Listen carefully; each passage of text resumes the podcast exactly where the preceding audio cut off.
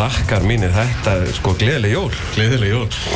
Herðu, við ætlum að fara að bara hefja þennan þátt. Við ætlum að fara að heyra Já. í, í fyrsta viðmælandanum. Hann er, uh, það er eitthvað skortur á, á tíma hjá honum. Já, hann er að fara að undirbúa sig, uh, hann er að fara uh, til London að fylgjast með leik Tottenham og Swansea. Chris veit hann hjá Wales Online, hann veit allt um, um Swansea, fylgjast með, með hverjum einasta leik af þeim og, og skrifar um það hjá Wales Online og, og hann er aðeins að spjalla við okkur um Gilva Sigursson. Ég, held að Gilvi sé svo eini sem getur bjargað þessu liði. Er það ekki bara þannig? Æjó Þú veist, er eitthvað annað, ég menna, sem er Gilvi undir meðast núna, þá er þetta bara búið. Já, ég, ég, hérna, ég hugsaði það einmitt þegar hann Hjörvar var að tala um daginn í messunni Já. Þá sagði hann eitthvað, hver er mikilvægari fyrir sitt lið Já. en Gilvi uh, Ég gati eða ekki fundið neitt annan Nei, þetta er um... Hello, Chris. How you doing? Okay. Yeah, I'm fine. How are you? Hæ, hæ Yeah, very good. Yeah. Very good. Yeah, thank you. Uh, Thank you for being on the show. No problem at all. Just in a little bit of traffic, but I'm on hands free, so uh, Okay, brilliant. O- On your way to, to London? uh, yeah, just a couple of miles outside Tottenham now, but usual London traffic. Yeah. All right. All right. Are you optimistic for the game to, to today for Swansea? It again? Are you optimistic that Swansea can do something today? Um, but, uh, perhaps get a draw. I think that I've got a feeling they might get a lucky draw. They deserve some luck. Yeah. Do you think they have been unlucky? They've been a little bit unlucky, yeah. Um, you know, they've made some, you know, pretty bad mistakes, but uh, some of the goals they conceded have been a bit unlucky. Everyone needs a bit of luck now and again. Yeah. Yeah. Uh, but t- tell us about uh, Gylfi Sigurdsson. How important is he to, to Swansea? Uh, well, it goes without saying, you know, four goals, four assists. Um, he actually started the season a little bit slowly, which is understandable given uh, uh, the emotional and physical effort he put into the to the Euros. Uh, you know, an incredible achievement by Iceland and something that was uh, cheered on in Wales, obviously. Um, uh, so it took him a little while to to get up to the kind of form that he showed at the end of last season, which um, perhaps more so than the manager saved Swansea uh, from relegation. You know, um, I think it was around 10 goals in the second half of last season. Uh, but more than that with Gylfi, it's the way he brings others into play, and that's certainly something we've seen in recent weeks. Uh, in the game against Palace, he was um, he was exceptional. One of the best games I've seen him play for Swansea. Some of his his touch and technique was phenomenal. Yeah. Of course, everyone saw the goal, which is which no one no one was surprised by it. You know, we all know what he can do, and then uh, his delivery for set pieces uh, was first class. He's um, he's a real beacon of light at the moment uh, for Swansea, and um, and certainly with the way he's playing, they're giving themselves a real chance of getting themselves out of the fight they're currently in. Yeah. Yeah. Uh, do you think uh, the, uh, the key to, to for Swansea to stay in the league is Gylfi? Do you think he is the major key? I think so. I think they need other. Um, uh, they they need uh, additions. I think they need to strengthen at the back. Uh, but I think you know there's a chance of a uh, a really good understanding with Fernando Llorente, who if he can perform uh, to what he's capable of, I think you could see a relationship on the pitch in the same way Gylfi had with. Um, with Wilfried Bony. You know, we had a joke in Swansea that uh, Gylfi deserved some of the um, the money from that 28 million pound deal that Bony to Man City because um, Gylfi had such uh, an incredible hand in in Boney's success at Swansea. They had a really real uh, understanding, and uh, if he can do that with Llorente, then um, I don't think Swansea can have any problems. Interestingly, one of Swan, one of the problems Bob Bradley's had to face up to is is something to do with the fact how good Gylfi is because he can play anywhere. Yeah. Um, we've seen him push to the left, which um, is something ironically that was the reason he wanted to leave Tottenham. We saw Gareth Bale moved into the centre a little bit and um, and take Gylfi's position really, Bale's evolution into a central attacker. Uh, so Gylfi wasn't able to really play at number 10 for Tottenham and and uh, consequently we've seen Pochettino this week saying well perhaps he got it wrong by selling him because he'd be the perfect player for Spurs. Yeah. Um, and, and we've seen us now back at Swansea that you know, the strikers haven't done it, so we've seen Gylfi pushed into a false nine, which he can do.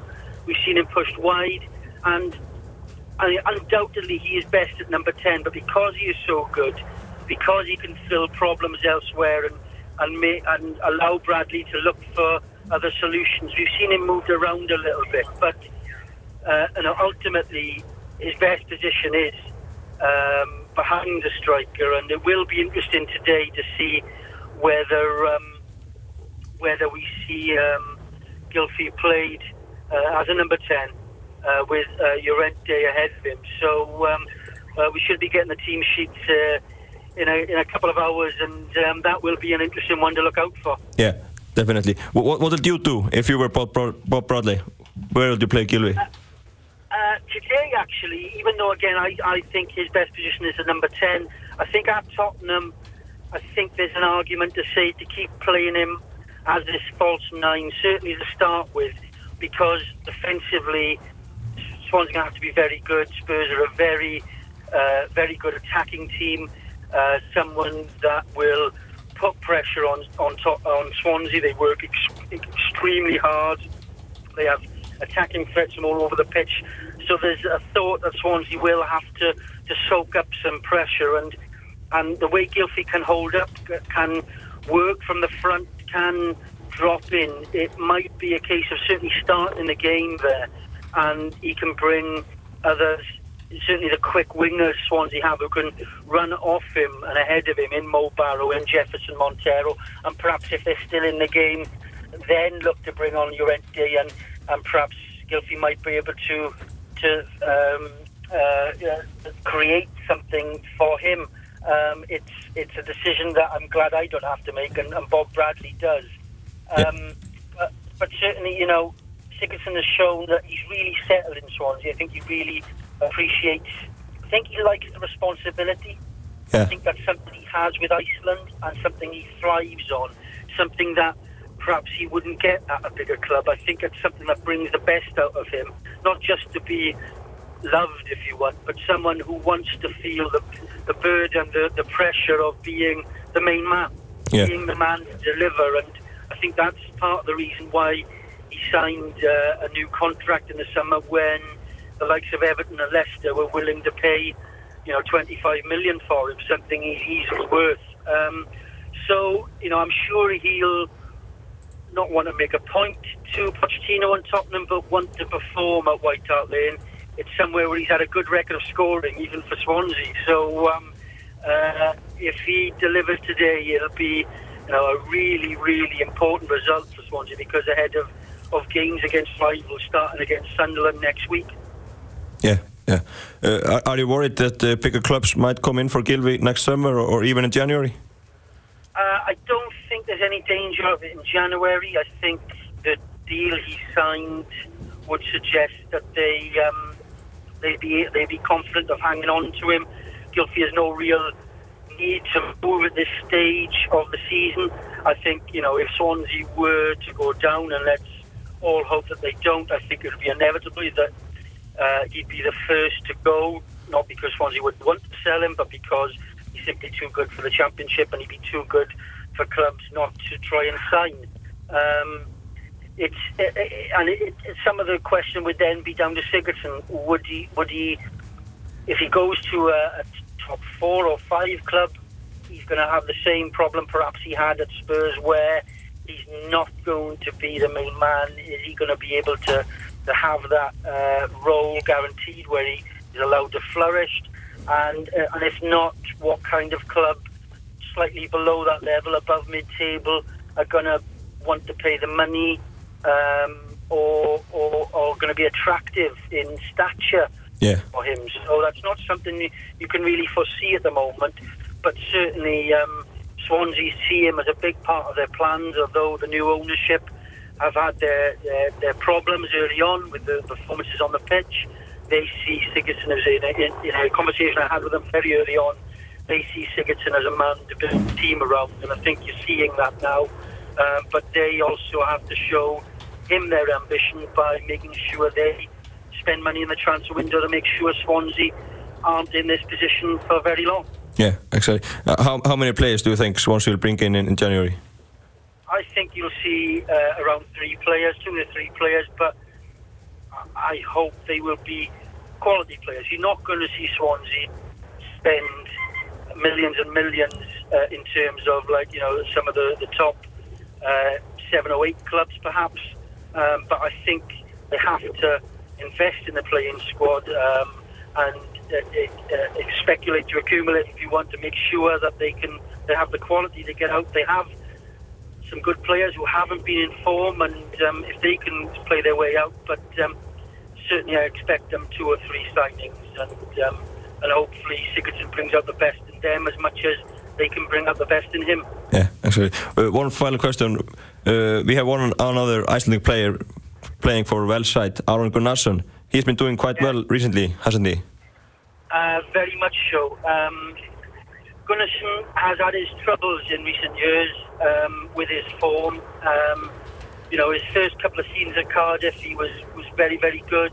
He um, was a central part of the team. But after that, he never really showed why he um, is valued so highly. He was an average player, and I don't mean that detrimentally. He'd always be a seven out of ten, but he wasn't exceptional. He often did work that went went unseen. Um, but this season, certainly since he was playing well, since uh, before Bob um, Neil Warnock came in under Paul Trollope, uh, you could see that he'd carried on his form from the Euros. But since Yeah. Neil Warnock has come in and he's already called him his, uh, his Viking warrior, which is a bit of a cliche, I know. But Warnock loves him, says he loves his attitude. Actually said that if he was to manage uh, a national team, he'd want to manage Iceland because he thinks he loves them and the mentality.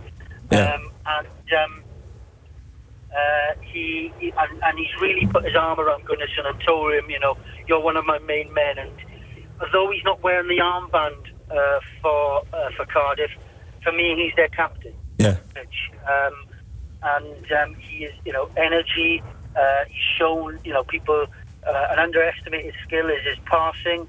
Uh, he's shown that, but his his determination has been uh, excellent. I, for me, he's been Cardiff's most consistent and probably best player this season, and it's been good to see because we spoke to him uh, a few weeks back, and he admitted he wasn't sure what was happening with the Cardiff. He considers it his club. He's been there a long time. He's obviously, you know, he won promotion with the club. He played in the Premier League with the club. I think he feels a sense of, of duty there. And but you know, he admitted that in the summer, then you know he's playing in the on the on the biggest stage, and yet not in the picture for his club team. So I think he made a real determination to make sure he was at his best for the Euros. We all saw what playing for Iceland means to him, uh, and he brought that back to Cardiff. Of course, we get the um, we now get the the, the Icelandic clap at Cardiff games, but he told me very interestingly that uh, despite how much he, he appreciates that and is very proud that the Cardiff fans are doing that, that's uh, for him. That's something he saves for the Iceland fans. So um, uh, he's, he's he's Wales's uh, or Cardiff's uh, Viking warrior, but uh, obviously we all know how much Gunnar and Gylfi are both. Uh, uh, legends in Iceland, uh, like the rest of that side, for what they did in the summer, and um, and I'm certainly um, if anyone sees them in a bar in Swansea or Cardiff, they won't have to buy a drink like the rest of the Iceland team because when you beat England and, uh, and Wales go on, uh, that won't be forgotten for a long, long time. we will never forget it. Uh, thank you very much for, for the chat and we hope uh, Gylfi will, will keep on scoring today. Yes, we hope so. We hope so, and best of the luck in the remainder of the uh, 2018 campaign as well. Please, you in Russia. Yeah, thank you. Thank you very much. Thank you. Bye bye. Já, það held ég, þetta var eh, okkar maður Okkar maður á, á, á Englandi Já, er er þann. Já, Hann er aldrei verið þættir maður, hann bara talaði og talaði og talaði, sko. Já, va- vantaði ekki það var, þeir eru, á- þeir eru, eins og hann sagði, þeir eru ánægði með, með Gylfa Aron. já Eh, Skiljanlega. Það er tvei bestu menninir bara í velsku liðum, hann sagði það. Bara Gylfi væri maðurinn í Swansea og, Aron maðurinn í, í Cardiff núna. Besti maður Cardiff á tíðanbílnu. Chris Smith hann uh, blaðamaður á Wales Online þannig að hann er, horfir á Gilva bara fyrir sínum eigin augum bara í hverju einustu viku Já, voru að tala með leikunum mútið Pála Sýdalgi að vera sá besti og það er alltaf alltaf þátt í fimm mörgum, þannig ég held að ég kaupi það alveg. Það er Tottenham Swansea í dag og við sendum Tómas Þór Þórðarsson að sjálfsögðu á, á þarleik. Þannig að hann verður á vegum þáttarins á, á Hann og Chris allir með þetta hittast að fá sér, er bjóð saman Já. á vellinu. að sjálfsögðu Einn skítkaldan Þegar það verður að stýttast í það að hátægisleikurinn fyrir að stað Manchester City, Chelsea er eitthvað merkilegt í byrjunarlegunum ekki Herri á, Nemanja Matic er að glíma smálega meðsli, þannig að Sesk Fabregas kemur hann á meðinu á TLC.